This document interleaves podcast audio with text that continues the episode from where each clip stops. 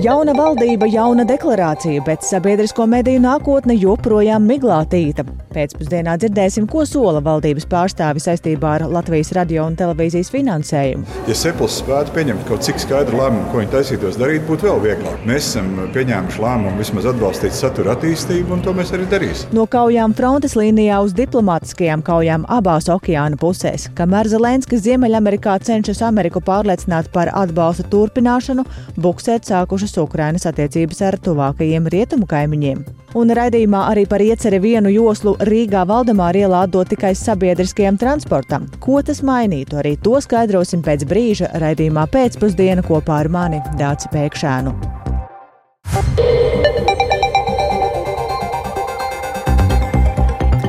Ir piecas minūtes pāri četriem skan pēcpusdienas ziņu programma, skaidrojot šīs dienas 22. septembra būtiskos notikumus. Studijā Dāca Pēkšēna. Labdien! Un vispirms par to, ka ir plānots liekt Latvijā uzturēties Krievijā un Baltkrievijā reģistrētajiem transporta līdzekļiem. Šādu likumprojektu saimā iesniegs Tieslietu ministrija. Un iecerē paredz, ja trīs mēnešu laikā šādu auto nepārreģistrēs vai tas neizbrauks no valsts, tad to konfiscēs. Un mēs šobrīd esam sazvanījuši iekšlietu ministru Rihardu Kozlovski no jaunās vienotības. Labdien! Labdien!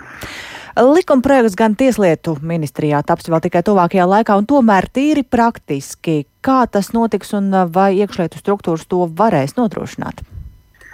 Ne, nu, iekšlietu struktūras to varēs nodrošināt, ja tas kļūs par uh, likuma normu. Uh, nu, gribētu teikt, ka jā, šāda aktualitāte ir teiksim, pēdējās nedēļas laikā iegūst ļoti lielu rezonanci. Tas Kā es to redzu, skaidrs, ka būtu jābūt šim vienotajam uh, regulējumam, tomēr Eiropas Savienībā. Uh, jā, ir informācija izskanējusi par Igauniju, ka tur uh, līdzīgas procedūras varētu piemērot sešu mēnešu laikā. Katrā ziņā var apliecināt to, ka nu, mēs, nu, kā iekšļietu ministrija, saprotu, jau ir paredzēts nākamajā nedēļā būtiski tikties ar ekspertu līmenī, lai šo jautājumu izrunātu. Nu, esam gatavi strādāt un šādu regulējumu. Ja, Saka, ar ekspertu atbalstu arī īstenot.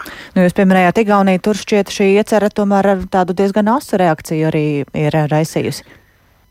Es, es saprotu, ka nu, pirmkārt nu, jāvērtē, saprotu, ka tas vēl pa likumu tur nav kļuvis. Bet šāda te, nu, precīzi izskaņojuša ziņa ir. Jautājums, protams, būs saistīts uh, nu, ar virkni mūsu arī regulējumu starptautiskiem, taču jebkurā gadījumā nu, pašlaik jau mums ir šī prasība spēkā. Neviens viņu nav atcēlis, ka attiecīgi arī pat Eiropas Savienības dalību valstu pilsoņiem atrodoties ilgāk kā trīs mēnešus Latvijā, ir jāpārreģistrē transporta līdzekļus. Uh -huh. Un par to ir paredzēta administratīvā atbildība. Tad, tad jautājums ir tāds. Uh, ja ar šādu prasības neievērošanu, vai mēs varam piemērot konfiskāciju, es domāju, ka tas būs nākošās nedēļas karstākā diskusija tieši ekspertiem. Katrā ziņā šis jautājums noteikti būs dienas kārtībā, bet par citu tematu turpinot. Jūs pats šodien, šobrīd esat um, devies novērtēt situāciju uz Latvijas austrumu robežu. Kādi ir jūsu secinājumi un kā mēs tiekam galā ar robežu apsardzību? Ko jūs varētu teikt? Nu, es teiktu, ka mēs tiekam galā neskatoties uz to, ka pašlaik mēs strādājam, proti, valsts robežsardze kopumā strādā pastiprinātā režīmā uz uh, austrumu tieši uz Baltkrievijas robežas. Šodien bija iespēja iepazīties un personīgi aprunāties arī ar Igaunijas robežsargiem, kas ir atbraukuši mūsu atbalstīt. Tāpat tās arī ir Lietuvas kolēģi. Uh, Skaidrs, ka jā, robežsardzē jāstrādā pastiprinātā režīmā. Pašlaik kopš augusta jau arī mūsu robežsargi netiek arī ikgadējā atvaļinājumā.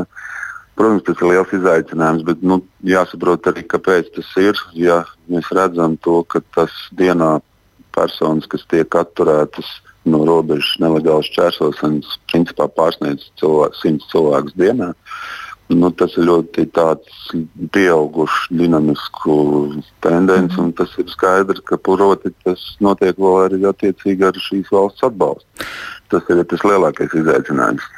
Nu, katrā ziņā, jā, arī vakar ir bijuši 128 šādi mēģinājumi nelikumīgi šķērsot Latvijas-Baltkrievijas robežu.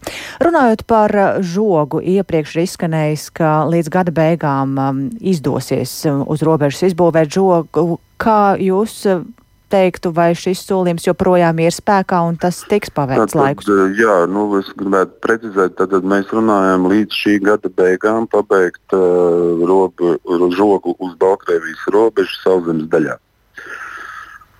Tas ir, tas ir, un tas nu, man šodien runājot, arī bija valsts nekustamā īpašuma aģentūras vadība, arī ļoti detalizēti izstāstot šo procesu, kā tas notiek un kāda, kādā veidā tiek mēģināts piesaistīt vēl papildu, papildus resursus, arī pat Latvijas būvniecības uzņēmumus, lai attiecīgi vēl pātrinātu šo procesu. Es skatos, ka tiešām tiek darīts viss. Tātad nu, šis solījums paliek spēkā, un nākamā gada uh, augusts ir tad, kad pabeidz žogu, nu, ja mēs tā varam teikt, infrastruktūras izbūve purvājos. Mums bija iespēja paskatīties arī šajā gada klātienē, kā izskatās betona pontona tāds, uh, nu, sauksim viņu pa tiltu pāri ūdenskrātuvei. Um, tā tad nu, apņemšanās ir. Uh, ir jāatzīst, ka purvi uh, ir ļoti dziļi. Attiecīgi uz Baltijas, uh, Latvijas-Baltkrievijas robežas tur ir pat dziļumi pat līdz 20 metriem. Uh, Bet mm -hmm. apņemšanās ir, un es domāju, ka nu, nevajadzētu būt šķēršļiem, lai to mēs izdarītu. Labi, tas ir par žogu, bet vēl viens no soļiem, kas bija paredzēts, nu, kā mazināt šo Baltkrievijas radīto hibrīdu apdraudējumu, ir lielāka soda tiem, kas Latvijas pusē palīdz migrantiem pārvietoties mm -hmm. tālāk iekšzemē. Kā ir pavirzījies šis jautājums? Šis jautājums ir tātad saimā dienas kārtībā. Es tagad nepateikšu precīzi, kā, nu, cik tālu juridiskā komisija ir izskane, izskatījusi. Zinu to, ka pašlaik tā spēkā esošā atbildība ir līdz pieciem gadiem brīvības atņemšana par atbalstu tieši par atbalstu sniegšanu tām personām, kas nelegāli šķērso. Līdz ar to Līdz šim tiesu praksa ir bijusi diezgan saudzīga manā nu, teiksim, vērtējumā pret šādu veidu pārkāpumu. Bet jāsaprot to, ka mums, diemžēl, palielinās agresivitāte no nelegālo šķērsotāju puses. Un ir jau bijuši gadījumi, jau vairāk, kad valsts robežsardze ir spiesta pielietot brīdinājumu šāvienus, proti, izmantot ieročus. Un es ļoti negribētu nonākt tā, ka tikai tajā situācijā, kad tas kļūst jau nu, tik mm. dramatiski, varētu sākt sodu piemērošanu. Jo pašlaik faktiski būtu iespēja piemērot uh, sodu līdz 5 gadu brīvības atņemšanu. Un, cik es zinu, priekšlikumi pagaidām tomēr neparedz minimālo jau brīvības atņemšanu. Proti, tiek uh, palielināta varbūt gala sankcija, proti, uzliekot viņu garāku nekā 5 gadi. Uh, cietumsodu, bet mums nav minimālā. Tas nozīmē, ka joprojām paliek vērtēšanas iespēja arī nepiemērot reāli cietumsodu. Mm -hmm. Es teiktu, ka tas man īsti nav pašlaik uh, varbūt līdz galam saprotams, kāpēc tā. Labi, paldies par sarunu teikšu iekšlietu ministram Rihardam Kozlovskim no jaunās vienotības, kurš šodien tātad klātienē ir iepazinies ar situāciju uz Latvijas austrumu robežas. Un Latgalē uzkavēsimies arī raidījuma turpinājumā. Pēc atkārtotas informācijas izprasīšanas Finanšu ministrija ir pārliecinājusies, ka Rēzeknes domē tiešām ir naudas problēmas un nav saplānoti tēriņi pat algām gada nogalē, tāpēc jaunus aizdevumus valsts nedos. Tikmēr aizņemšanās griestiem tuvojas arī citas citas pašvaldības, kur gan nav kredīti ņemti um, tādām lietām kā spā kompleksa būvniecība, kā tas ir bijis Rēzeknes gadījumā. Un plašāk par to paklausīsimies Edgara Kupča ierakstā. Kamēr daļa Rēzeknes iedzīvotāju mītņā vakarā aizstāvēja savu mēru, partijas kopā Latvijas dibinātāju Aleksandru Bartaševiču, kam par pilsētas novešanu bankrota priekšā tagad draud atlaišana, Finanšu ministrijas ierēģi vēlreiz smalki izvērtējuši, vai naudas grūtības Rēzeknē ir tik būtiskas. Un par to šaubu nav. Saka pašvaldību finansiālās darbības uzraudzības un finansēšanas departamenta direktore Inta Komisare. Mēs esam guvuši apstiprinājumu tam, ka pašvaldība nav ieplānojusi budžetā pilnam gadam atlīdzībai izmaksas. Līdz ar to tas tiešām ir traknējams kā likuma pārkāpums. Nu, tuvākajā laikā visticamāk tiks pieņemt lēmumi par tālāko rīcību. Komisāre apgalvo, ka finanšu uzraugi jau saulēcīgi aicinājuši Reizeknas pārunām, vēl tad, kad revidenti par pilsētas maku sniedza pozitīvu atzinumu un doma vēl nekavēja kredītmaksājumus. Ministrija vērsa Reizeknas uzmanību, ka tās saistības ir bīstami augstas pret pašu budžeta ieņēmumiem. Robežas slieksnis jeb atļautā aizņemšanās nākotnes vārdā ir līdz brīdim, kad budžetā kredītu atmaksai jāvelta 20%. Bet kā ir citās pašvaldībās? Jā, mēs, eh, protams, eh, šo komunikāciju esam sākuši ne tikai ar Reizeknu, mums ir eh, vēl vairākas pašvaldības, ar kurām mēs esam jau sazinājušies, šobrīd mums ar augstākajām saistībām ir alūksnes novads. Vienlaicīgi mēs redzam to, to ka alūksnes novads spēj pildīt uzņemtās saistības, nav kavēto maksājumu, un, nu, ir iespējams varbūt tās viena vai otra projekta realizācijas eh, atlikšana, bet eh, pašvaldība izprot situāciju, un mēs redzam, ka šeit eh, nu, tā situācija tiek kontrolēta. Alūksnes novads, kas parāda atmaksāja velta jau vairāk nekā 18% budžeta, arī esot vērsies Finanšu ministrijā ar apņemšanos saistības pildīt nākotnē, un tam pat izveidots atsevišķs fonds. Alūksnes mērs Dzintars Adlers no jaunās vienotības par novada maku ir drošs. Jā, neapšaubām mūsu procentu slieksnis ir augstāks, aizņēmuma procentu slieksnis, bet tas nenozīmē, ka mums kaut kādas grūtības. Tieši otrādi, ar mums ir viss kārtībā, mēs visu spējam nodrošināt un ne tikai. Mēs tad spējam attīstīt savu teritoriju, atvēlēt līdzfinansējumus dažādos projektos no sava budžeta, celt algas un tā tālāk nodrošināt visu saimniecisko darbību novada teritorijā. Lielākie izdevumi ņemti ar mērķi sakārtot skolas, jo tas arī politiski solīts vēlētājiem. Gan skolu siltināšana ir šajos projektos, gan gimnāzijas korpusu pārbūve, tāpat arī jaunas sporta zāles izbūve. Spāņu centrus neceļot kā reizekne. Es domāju, ka arī tos kādreiz celsim. Saistību slieksnim ar virs 17% tuvojas arī Daugopils, bet tur grūtākais būšot nākamais gads, pēc kura kredītmaksājumi mazināsies. Liela tēriņi ir arī Valkai, Jēkabpilī, Ādažiem, Ventspils novadam, Tukumam, Ogrei un Jūrmalai. Finanšu ministrijā gan norāda, ka 20% slieksnis un budžeta tēriņi kredītu atmaksai vēl nav rādītājs par pašvaldības maksātspēju, jo grūtībās var nonākt arī ar mazākām saistībām. Latvijas bankas ekonomists Jānis Mauris vērtē, ka budžeta veselība vairākās pašvaldībās ir vāja. Puse domju bez deficīta veidošanas nespēja izdzīvot, bet lielākiem riskiem cenu un kredītu procentu kāpuma laikā ir pakļautas mazās pašvaldības. Latvijas reģions ir viens no tādiem izteiktākajiem, kur, kur nu, teiksim, tā fiskālā kapacitāte ir nu, salīdzinoši vāja. Un, un, un tas, protams, nu, ierobežo to, cik lielā mērā šiem reģioniem ir spēja gan aizņemties, gan finansēt, gan sekt nu, tos savus uh, izdevumus. Finanšu ministrija arī norāda, ka Eiropas centrālās bankas politika cenu kāpuma bremzēšanai celt procentu likmes pašvaldības ietekmē atšķirīgi. Piemēram, domas, kas kredītus ņēmušas ar fiksētu procentu likmi, iepriekš maksājušas vairāk, bet tagad piedzīvo salīdzinoši zemu izmaksu kāpumu kamēr mainīgo likmi gadījumā tēriņi augot vairāk kārtīgi. Edgars Kopčs, Latvijas radio. Jā, un uh, runājot par kredītiem, kā jau dzirdējām, tad ir jautājums arī par to, kā pašvaldības ietekmē kredītu procentu likmu kāpums, un to šorīt kolēģi Lauris Zvēnieks un Nārtas Kuja vaicāja pašvaldības savienības vadītājiem Gintam Kamīnskim. Viņš akcentē, ka tas ir vēl viens apgrūtinājums šajā gadā, un pašvaldībām tie ir papildu izdevumi, un paklausīsimies viņa teikto kopumā, ja mēs salīdzinām ar pagājušo gadu, mēs lēšam, ka tie varētu būt e, 30 miljoni, kas ir jāmaksā par šiem kredītiem, procentu pieauguma ziņā. Septiņus mēnešus, ja salīdzinājāt, tie jau bija 21 miljonus. Tas nozīmē, ka pašvaldībām jārod papildus līdzekļi, lai spētu sekt šos kredītu procentus. Un, kā mēs zinām, tad kredīti jau ir ņemti faktiski publiskai infrastruktūrai. Tas nozīmē, ka uh, teritorijās, uh, ņemot vērā to, ka šis pieaugums nevarēs to vai citu darbu vairāk paveikt. Un būtībā, ja mēs paskatāmies nedaudz atpakaļ, tad kaut kāds samazinājums iedzīvotāju ienākumu nodoklī šie 5%, kas ir faktiski manā uztverē absolūti nepamatots lēmums.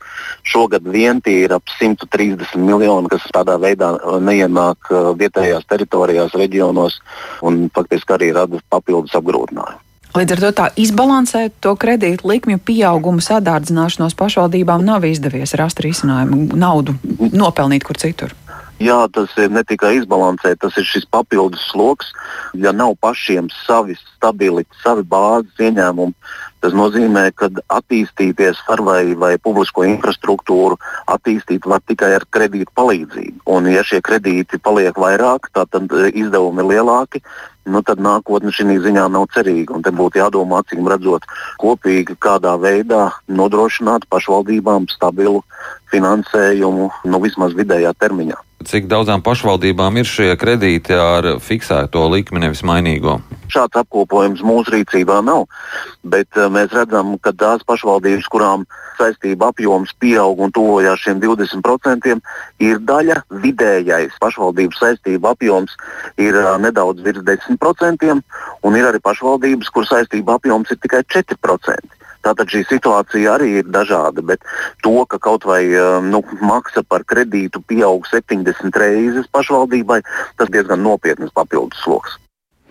Tā pašvaldības savienības vadītājs Gins Kaminskis, kurš cer, ka kāds risinājums varētu rasties sarunās ar Finanšu ministriju. Un uz risinājumu cer arī sabiedriskie mediji. Lai arī sabiedrisko mediju apvienošana ir ierakstīta arī valdības deklarācijā, pagaidām aizvien nav skaidrības, vai tā notiks un būs tai vajadzīgais finansējums. Vēl pagājušajā nedēļā Saimas cilvēktiesību un sabiedrisko lietu komisija konceptuāli lēma, ka sabiedriskajiem medijiem nākamajos gados ir jāpiešķir vairāk naudas. Tikmēr finanšu Finanšu ministrija sagaida skaidrākas aplēses, savukārt padome vispirms skaidrība par sabiedriskajiem medijiem turpmākajos gados sagaidāmo finansējumu apjomu. Un Tad arī tā izrietēs skaidrs lēmums par sabiedrisko mediju apvienošanu un vairāk par to Jāņa Kīņša sagatavotajā ierakstā. Sabiedriskajiem medijiem ir jābūt neatkarīgiem, labi un paredzami finansētiem, jo bez tiem nav iespējama spēcīga demokrātija. Latvijas sabiedrisko mediju finansējuma ziņā šobrīd ierindojas Eiropas Savienības valstu pēdējā trešdaļā. Tā video uzrunā konferencē par sabiedrisko mediju lomu izteicās Eiropas raidorganizāciju apvienības ģenerāldirektora vietnieks Žans Filips de Tenders. Iepriekšējā koalīcija sabiedrisko mediju apvienošanu atlika. Pašlaik tā plānota no 2025. gada. Tas nozīmētu arī lielākus izdevumus izdevumus, kam jābūt vismaz 0,12% no iekšzemes koprodukta. Tā pēdējā sēdē pirms jaunās valdības apstiprināšanas sprieda Saimas cilvēktiesību un sabiedrisko lietu komisija. Turpina tās pārstāvis deputāts Augusts Brigmans no Zaļo un Zemnieku savienības. Manuprāt, ir valdībai no mūsu puses piedāvāts tiek finansējums sabiedriskām mēdījām. Cik es esmu informēts, arī viņš ir atradis dzirdīgu savus valdībā. Un es domāju, ka līdz ar to varētu, manuprāt, nu, no stagnācijas punkta nu, mēs sākam virzīties jau uz realitāti, ka šis vienotais sabiedriskais mēdījis varētu arī tapt. Jaunās valdības deklarācijā sadaļā valsts drošība ir ierakstīts arī mērķis par izsvērtu un ekonomiski pamatotu sabiedrisko mediju apvienošanu. Finanšu ministrs Arvils Ašarādens no jaunās vienotības aicina vēl mērīt ieguvumus no sabiedrisko mediju apvienošanas un finansējuma palielināšanas. Ministrs iebilst saimnes komisijas aicinājumam sabiedriskos medijus finansēt ar konkrētu skaitli procentos no iekšzemes koprodukta. Valdība ir prerogatīva pieņemt lēmumu, kādā veidā sastādīt budžetu. Jo tāda metode mums ļautu visām institūcijām institūcijām piešķirt 0,cik un tik procents, un tad mēs varam atlaist valdību, jo tad jau finansējums ir piešķirts. Ja? Jā, protams, ir budžeta sarunas, mēs lemjam, kādi ir vajadzīgi resursi, un tad, protams, budžetā būs redzami. Tie, iespējamība par palielinājumu ir nav. Protams, ka ir iespējamība. Nu, vienmēr mēs esam atvērti sarunām par šo. Ja Seplis spētu pieņemt kaut cik skaidru lēmumu, ko viņi taisītos darīt, būtu vēl vieglāk. Mēs esam pieņēmuši lēmumu vismaz atbalstīt satura attīstību, un to mēs arī darīsim. Ašrādens skaidro, ka viņam aizvien nav skaidri praktiski aspekti, kā notika sabiedrisko mediju apvienošana, taču satura attīstībai turpmākajos trīs gados budžetā būšot rezervēti gadu papildu 5 miljonu eiro. Skaidrību par sabiedrisko mediju apvienošanu apņēmusies viest arī par mediju politiku atbildīgā kultūras ministre Agnese Logina no progresīvajiem, kurai amatā rīt pirmā nedēļa. Pirms gala lēmumiem par sabiedrisko mediju apvienošanu sabiedrisko elektronisko plašsaziņas līdzekļu padomas vadītājs Jānis Siksnis no Finanšu ministrijas ministrijas sagaida skaidrs norādes par gaidāmo finansējumu apjomu. Tajā brīdī, kad mēs saņemsim galīgo atbildi, es kā kapitāla daļu turētājs, protams, konsultējoties ar mēdījiem, lemsim, vai mēs joprojām uzturam spēkā uz to, ka ir jāiet uz apvienošanu. Jo tā būs liela izšķiršanās. Priekš digitālās attīstības apvienošana būtu vajadzīga jebkurā gadījumā, varētu teikt. Pēc Jāņa Sikšņa teiktā, skaidrība sabiedrisko mediju apvienošanas jautājumā sagaidāma vēlākais oktobrī. Jānis Kincis, Latvijas Radio. Un te jāpiebilst, ka budžetā rezervētais 5 miljonu pieaugums katru gadu ir ievērojami mazāks nekā pilnvērtīgai sabiedrisko mediju apvienošanai ir vajadzīgs. Piemēram, Latvijas radio, kas nākamā gadā tikai sev vien prasīs papildu 4,6 miljonus, klāt dabūtu par 3 miljoniem mazāk. Bet eh, kādēļ ir izcēlušās nesaskaņas starp fotoradaru licenšu piegādātāju un CSDD, un vai sabiedriskā transporta joslas izveida Rīgā Valdemāra ielā iedzīvotājiem būtu iemesls pārsēsties autobusos un trolejbusos, lai sastrēguma laikā galamērķī nokļūtu ātrāk? Tie ir daži no tematiem raidījuma pēcpusdienu turpinājumā.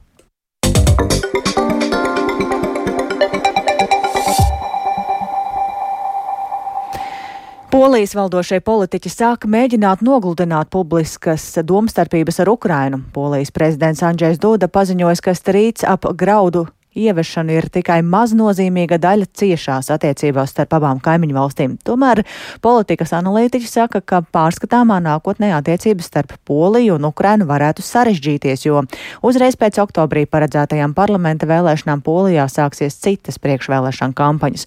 Un plašāk vecāsim mūsu Briseles korespondentam Arķomam Konohovam, ar kuru esam sazinājušies tiešaidē. Sveiks, Arķom, un saka, kādēļ tavuprāt polijas amatpersonas jau sāk mēģināt nogludināt šīs attiecības ar Ukrainu? Jā, labdien, daudz labdien, klausītāji. Es teiktu, ka šis skandāls tiešām ir kļuvis ļoti publisks un ir izgājis ārpus eh, Polijas un Ukrainas robežām. Par to liecina kaut vai fakts, ka mēs tagad par šo runājam, un par to runā arī daudzās citās valstīs. Tamdēļ jā, ir, ir saprotams, ka Polija šobrīd mēģina nedaudz eh, šo situāciju nogludināt, eh, jo tas parāda, ka tiešām tas varētu arī nākt par labu Krievijai, ja, šādi, ja šādas attiecību publiska attiecību skaidrošana turpināsies. Un arī Lietuvas prezidents Gitans Nausēda ir iejaucies šajā skandālā un ir arī publiski mudinājis abas puses pārtraukt stīvēšanos un ir arī pat piedāvājis, ka Lietuva varētu kļūt par tādu kā vidutāju ab, starp abām pusēm. Un, Jāsaka, ka būtiski teiksim, šim skandālam seko arī Vācijā, un pieņemsim Vācijas lauksaimniecības ministrs Džems Ozdemirs sacīs, ka Polija izrā, izrāda solidaritāti tikai tad, kad viņiem tas ir izdevīgi. Diezgan skarbi vārda no šāda augsta līmeņa vācu politiķa, un savukārt Vācijas parlamenta deputāts Ulrichs Lehte, kurš ir ārlietu runas vīrs Liberāldemokrātiskai partijai, sacīs, ka ir nožēlojami, ka Polija, kas līdz šim ir bijusi uzticama partneri, tagad nolēma pārtraukt Ukrainas militāro atbalstu un šādi to komunicēt. Un viņa prāt, tas esot skaidrs mēģinājums novērst uzmanību no vīzu tirgošanas skandāla, par ko mēs arī iepriekš esam runājuši ēterā.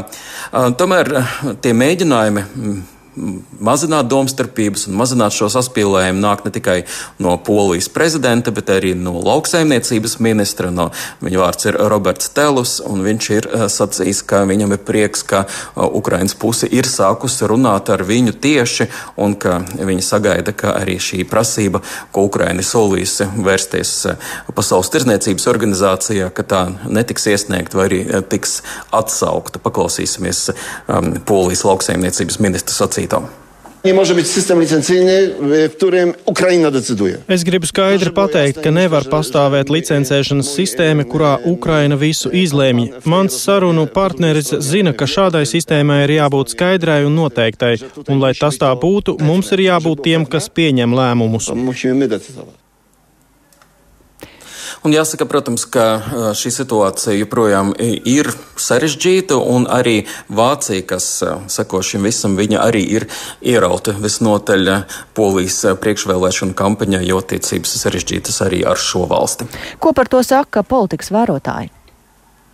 Politikas vērotāji saka, ka tas tiešām turpināsies vēl kādu laiku, jo arī pēc 15. oktobrī paredzētajām vēlēšanām faktiski nekas nebeigsies, jo nākamgad ir gaidāmas Eiropas parlamenta vēlēšanas, un vēlāk Polijā būs arī dzen, prezidenta vēlēšanas, un līdz ar to partijas sacentīsies savā starpā, un mēs varētu gaidīt no Polijas, ka viņi turpinās līdzīgu retoriku. Turklāt šis paziņojums par ieroču piegāžu pārējiem pārtraukšanu lielā mērā ir saistīts ar to, ka, Ukraina, ka Polija vienkārši šobrīd, kā norāda analītiķi, īsti nav ko piegādāt. Viņi ir diezgan daudz ko piegādājuši un šobrīd mēģina iepirkt sev uh, jaunākus ieročus, papildināt krājumus, lai tad pēc tam sniegtu turpmāko atbalstu. Tas lielā mērā bija domāts iekšējai auditorijai un uh, domāts kā daļa no priekšvēlēšana kampaņas, tā saka analītiķi. Jā, un pavisam īsi saka Arķom, nu, palūkosimies nedaudz uh, okeāna otrajā otrajā pusē ir noslēgušies Zelenska centieni pārliecināt Ameriku un arī pārējo pasauli turpināt atbalstīt Ukrainu. Cik veiksmīgi Zelenskim tas ir izdevies? Es domāju, ka tā būs cīņa, kas būs vēl jāturpina, un eh, sarunas par nogurumu, kas valda Vašingtonā un citviet, tās eh, tikai turpināsies, un eh, Ukrainai būs jāmēģina pierādīt, ka tā spēj gan cīnīties ar korupciju, gan arī uzvarēt kaujas laukā, jo, protams, no tā būs arī lielā mērā atkarīgs turpmākais atbalsts, jo Amerikā arī tuvojas vēlēšanas, un par to mm. ir jāatcerās. Paldies Arčamam Konohovam, un mēs šobrīd atgriežamies pašmājās. Ir izcēlušās nesaskaņas starp fotoradaru licenšu piegādātāju un ceļu satiksmes drošības direkciju. Licences radariem piegādā uzņēmums Burde BV, un tā pārstāvi publiski apšauba kopš augusta sākuma izrakstīto sodu likumību. Pēc licences termiņa beigām direkcijai esot jāiegādājas jauna, taču šajā gadā tas nesot izdarīts. Un CSDD gan pārmetumus pat labā noraida un vairāk par visu stāsta Paula Dēvica. Uzņēmums Burda BV ir oficiālais fotoradaru ražotāju pārstāvis Latvijā, un tas pārmet ceļu satiksmes drošības direkcijai radaru sistēmas programmatūras uzlaušanu. Proti, CSDD iepriekšējos gados vairāk kārtīgi iegādājās programmatūras licences. Beidzoties to kārtējiem termiņam jūlija beigās, uzņēmums informēja CSDD, ka bez licences atjaunošanas radaru darbība ir neleģitīma. Direkcijā gan Latvijas radio skaidro, ka radari un to programmatūra iegādāta publiskā iepirkumā, un tā ir direkcijas īpašumā. Vairāk stāsta uzņēmuma Burda BV pārstāve Una Indāne. Mēs nekādā brīdī neesam apšaubījuši par to, ka radari būtu kāda cita īpašumā. Mēs simtprocentīgi piekrītam, ka visi stacionārie radari ir ceļu satiksmes drošības īpašums arī saprotot, ka viņi visi ir verificēti. Tas nozīmē, ka viņi ir pārbaudīti viņu mērījumos metroloģiskā darbība. Mēs to nekādā brīdī neesam apšaubījuši. Taču visai radiālo darbības uzturēšanai ir programmatūra. Kā mēs zinām, tad programmatūrai ir nepieciešama licence, un šāda licence nav tikusi iegādāta. CSDD pārmetumus noraida un uzskata, ka radaru īpašniekam ir tiesības tos izmantot arī, ja licence nav atjaunota. Uzņēmums Burda BV norāda, ka viņuprāt kopš jūlija beigām uzliktie sodi par ātruma pārkāpšanu nav leģitīmi. Direkcijā gan to noraida un aicina pārkāpējus sodus samaksāt. Turpina CSDD pārstāvis Mārtiņš Malmeisters. Ir administratīvie sodi, kas ir piešķirti autovadītājiem par ātrumu pārkāpumiem tie ir eh, tiesiski, tie visi ir eh, jāapmaksā noteiktajā termiņā. Un eh, vēlreiz uzsveram to, ka ātruma pārkāpšana uz Latvijas ceļiem ir pārkāpums, ir jāievēro pakļautais braukšanas ātrums, un līdz ar to arī ceļu satiksme būs daudz drošāka. Radaru ražotāju pārstāvi pret direkciju ir vērsušies ar iesniegumu prokuratūrā, bet CSDD norāda, ka jautājums par licenci un citi CSDD un ražotāja un tā oficiālā pārstāvja attiecību jautājumi ir civiltiesiska rakstura. To izvērtēšana izmeklēšanai šobrīd piesaistīts juridiskais birojs. Arī valsts policijā norāda, ka sodus ir jāmaksā un ātruma ierobežojumi jāievēro neatkarīgi no šīs situācijas. Valsts policija no CSDD ir saņēmusi oficiālu informāciju, ka sistēma strādā tiesiski un pamatoti. Līdz ar to policija atbilstoši savai kompetencei turpina apstrādāt ar stacionāriem fotoradariem fiksētos administratīvos pārkāpumus. Tā skaidro pārstāve Līna Bagdone. Tehniskie līdzekļi, tostarp stacionārie fotoradari, ir būtisks palīgs valsts policijai ikdienā. Ņemot vērā policijas resursus, ar tehnisko līdzekļu palīdzību var veikt plašāku satiksmes dalībnieku uzraudzību. Abas iesaistītās puses strīdu tālāk risinās tiesiskā ceļā. Paula Dēvica, Latvijas radio. Un arī redzījuma turpinājumā mēs runāsim par satiksmi un īpaši jau to, kāda tā ir Rīgas centrā. Pēc aptuveni stundas Rīgā iepratim Nacionālajiem mākslas muzejam notiks apvienības pilsēta cilvēkiem rīkots pikets, tāpēc pie telefona klausulas šobrīd biedrības pilsēta cilvēkiem valdes priekšsādātājs Kārlis Krēķis. Labdien! Labdien. Tā jūsu prasība, cik es saprotu, ir virzienā uz Rīgas centru ierīkot vienu joslu sabiedriskajam transportam Valdemāra ielā. Ko tas mainīs? Nu jā, tad, tad tas dos iespēju sabiedriskā transporta pasažieriem ātrāk un paredzamāk nokļūt tur, kur viņiem vajag nokļūt. Tad, tad, lai viņiem nav jākavē pusstundu, stunda ceļā, kā tas notiek ikdienā uz Valdemāra ielas. Jūs mēģinājāt arī vienkārši ar Rīgas domu par šo runāt, ieviest šādu joslu un negavāt atbalstu, vai kāpēc jūs pievēršat tieši šādā formā to mm, uzmanību? Nu jā, mēs esam jau gadiem ilgi par to runājuši un prasījuši, bet vienmēr esam saņēmuši atrunas, kāpēc to nevar izdarīt. Kas ir tas galvenais pamatojums, ko, ko jums saka? Galvenais pamatojums ir tāds, ka dati liecina, ka tas nav iespējams, nu, tad, ka būs vēl lielāka sastrēguma un, un tādā veidā. Bet tas, ko mēs redzam, ka Rīgas domē nav datu. Un arī nesen uh, diskusijā par zēdu ieviešanu Rīgā tika arī Rīgas domas pārstāve atzina, ka viņiem nav dati faktiski par satiksmes plūsmām Rīgā un pats, ka viss balstās uz pieņēmumiem. Uh, otrā lieta, kas mūs neapmierina, ir tas, ka Rīgas doma uh, visu uh, rēķina satiksmes vienību skaitā, cik uh, autotransports izbrauks pa konkrētu ielu, piemēram, noteiktā laikā. Uh, ir jārēķina cilvēki, cik, tiek, uh, cik cilvēku spēj pārvietoties pa to posmu, nevis cik autotransporta vienības. Bet jums tāpēc, ir šādi vairāk. Jā. Bet jums ir šādi dati, vai jūs rosinātu sākumā iegūt šādus datus? Nu, pirmkārt, ir jāievāc dati, tas arī, protams, ir svarīgi, bet uh, ir arī Rīgas domē noteikti dokumentos prioritātes, un prioritāte ir sabiedriskais transports. Tātad, ja arī sabiedriskā transporta josla radīs lielākus sastrēgumus autotransportam, tomēr ir jāturās pie prioritātēm. Tātad uh, Rīgas doma tērē ļoti lielu naudu sabiedriskā transporta atbalstam, 10% no pilsētas budžeta aiziet uh, dotācijās, un tā pašā laikā cilvēki, kas lieto transportu, uh, ir nu, tādā pakārtotā lomā. Kāpēc arī daudz izvēlās nopirkt auto? Paldies! Um, Sauku pilsētu cilvēkiem valdes priekšsēdētājiem Kārlim Krēķim, un uh, jāteic, ka mēs arī vaicājām Rīgas satiksmē viedokli, ko viņi par to saka, un uh, arī viņi norāda, ka pirms šāda soļa tomēr ir svarīga detalizēta analīze, un uh, runa ir par automašīnu sastrēgumu, vai tas neizveidosies jau tik liels, ka sastrēgums būs vēl pirms izveidotās sabiedriskā transporta joslas, tāpat ir vēl vairāki argumenti, bet jebkurā gadījumā tas, ko arī mēs izpētījām Rīgas satiksmes mums sūtītajā grafikā, tad problēma, protams, šajā vietā pastāv un e, kavējums ir diezgan būtisks. Taču būt vai nebūt šādai joslai, tas tomēr ir Rīgas domas pārziņā, un tāpēc Rīgas domas satiksmes un transporta lietu komitejas priekšsēdētājs Olafs Pulks pie mūsu telefona klausules. Labdien! Sveicināti, labdien! Uh, nu, diezin vai šī ideja par sabiedriskā transporta joslu Valdemāra ielā ir jauna, to mēs arī dzirdējām jau tikko iepriekšējā sarunā, ka par to ir runāts. Nu, acīm redzot, nesat līdz šim saskatījuši tādu vajadzību un pamatojumu izveidot. Um, domājat, ka varētu šobrīd tāda iespēja rasties un varētu izskatīt um, piedāvātos argumentus no pilsētas cilvēkiem? Mēs nepārtraukti ikdienu vērtējam iespējas izveidot sabiedriskā transporta joslas Rīgā. Mēs šobrīd esam izveidojuši 11 sabiedriskā transporta joslas. Tāpat ir veikti 50 e, uzlabojumi satiksmes organizācijā. Tas ir gan ar zīmju palīdzību, gan arī domāju, ceļu zīmju, gan arī ar uh, luksafora palīdzību, lai ieviestu zaļo uh, koridoru tramvajam it īpaši, lai pātrinātu sabiedrisko transportu. Bet šajā Tik vietā? Līdz, tiklīdz modelē, mūsu modelēšana šobrīd parāda, ko arī Rīgas satiksme jums ir teikusi, ka diemžēl sabiedriskais transports nenokļūst līdz šai sabiedriskā transporta joslai.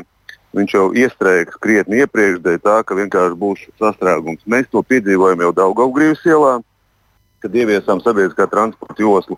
Un tāpēc mēs nevēlamies nodarboties ar eksperimentiem. Mēs darām to tad, kad tas ir izpētīts un pierādījums būs tam, ka tiešām tas būs efektīvs. Nu, Čāka iela arī bija eksperiments, bet tajā pašā laikā nu, beigās izrādījās, ka tas tomēr bija veiksmīgs eksperiments. Čaka ielā eksperiments beidzās ar to, ka tieši mēs ieviesām sabiedriskā transporta joslu vienā virzienā, kas pirms tam nebija. Nu, jā, varbūt Tā kā- tad arī šeit eh, tas būtu apsverams, vai tomēr ne? Jā, bet tas ievie, ieviesām pēc tam, kad eh, parādīja, ka sabiedriskais transports kavējās. Tā kā principā mēs vērtējam nepārtraukti, esam tādā procesā, nekas nav noslēdzies. Mēs šobrīd strādājam pie tā, lai kravas transportu novirzītu prom no pilsētas centra. Tātad tās jau vēl ir transporta vienības, kas aizies prom. Tad, ja satiksmes ministrija mums palīdzēs un pierīgas pašvaldības palīdzēs izveidot uh, stāvparkus pie dzelzceļa stacijām ārpus Rīgas, un tur mēs varēsim mūsu mīļos pierīgas iedzīvotājus aicināt un mudināt atstāt savus transporta līdzekļus un tālāk braukt ar vilcienu. Un tad, kad beidzot parādīsies elektrovilcieni, jaunie, tad arī mēs varēsim virzīties tālāk visā šajā attīstībā. Nu jā, droši vien varbūt arī varbūt kaut ko var risināt arī tā pati austrumu maģistrāle. Tieši tā, tāpēc jau es runāju par šo tra kravas transportu novirzīšanu prom no centra. Tā ir austrumu maģistrāle, tas jau ir šis gads, tas nav ļoti tālu. Tas jau būs šis gads, kad tā būs gatava. Līdz ar to nākamgad jau būs mhm. satiksmes organizācijas izmaiņas, ko mēs varēsim redzēt jau 11. novembrī Krasmalā, un vairs tur kravas transports nebūs. Mēs jau šobrīd mm. strādājam pie tā, lai nu, vasarā pat iespējams uh, vispār atbrīvot vai ļoti atbrīvot no transporta šo, šo teiksim, jo, nu, maģistrāli, kur uh, cilvēki varētu brīvi piekļūt pie Daugavas. Mm -hmm. Jā, Paldies! Paldies! Um, sakām šobrīd Olafam Pulkam no Rīgas domes, um, un mēs šobrīd ielūkosimies vēl vienā tematā. Rēnim un Aspazijai veltīti muzeji ir ne tikai Latvijā, bet vismaz pagaidām tāds ir arī Šveicē, Lugano, taču 2025. gadā to ir paredzēts slēgt. Tā Latvijas radio paziņoja Šveices latviete Vita Matīsa. Viņai šī kultūra vieta, kas stāsta par dižo Latvijas dzēnieku darbību trimdā, ir mūža darbs. No sākuma brīvprātīgs, bet pēc tam jau kā satura autorei Latvijas kultūras ministrijas komandā, kas veidoja pirms pieciem gadiem atklāto muzeja ekspozīciju Rainis un Aspazija starp Latviju un Šveici. Kā šo situāciju skaidro atbildīgās institūcijas Latvijā, to mēs varam šobrīd paklausīties Ievas puķes veidotajā sižetā, kas tūdaļ arī skanēs raidījuma turpinājumā. Šveice ir tā vieta, no kurienes vesela paudze, ne tikai Rainis un Aspāzija, ja, arī Miķels Valters, Pauls Kalniņš un tā tālāk, no kurienes viņi saskatīja neatkarīgās Latvijas kontūras. Tā Latvijas radio raidījumā laikmeta krustpunktā emocionāli saka šveicis latvieta Vita Matīsa, ne tikai politikas, bet arī dzinieka Raņa pētniece, kas šai tēmai pievērsusies jau studiju gados un ir atslēgas figūra Raņa un Aspazīs muzeja izveidošanai. Matīsa turpina. Bet, ziniet, sākot ar 25. gadu, muzejs vairs tur nebūs. Latvijas valsts nevarēja vai nemācēja vai nesaprata, ka muzeja iekārtošana, ko viņi izdarīja ļoti labi, tā ir viena lieta, bet tas ir tikai varbūt 5% no darba apjoma. 95% darba apjoms tur bija intensīvs darbs ar vietējiem cilvēkiem, komunikācija un tā tālāk. Un man nesaprotam iemeslu dēļ oficiālās eh, Latvijas institūcijas trīs gadu garumā neuzskatīja, ka šī komunikācija bija nepieciešama. Vai tiešām Raiņu un Aspazijas muzeja Lugano ir paredzēts slēgt, un kāpēc Latvija to ir atstājusi novārtā? Jautāja kultūras ministrijas sabiedrisko attiecību nodaļā un saņem atbildi, ka vairāk to var komentēt Memoriālajā muzeja apvienības vadītāja Rita Meinerte, jo šīs iestādes pāraudzībā atrodoties arī Raiņa un Aspazijas muzejs Lugano. Meinerte gan sarunā no šīs atbildības uzreiz norobežojas. Muzejs nav zem Memoriālo muzeju apvienības. Memoriālo muzeju apvienība izveidoja jauno ekspozīciju un iekārtoja.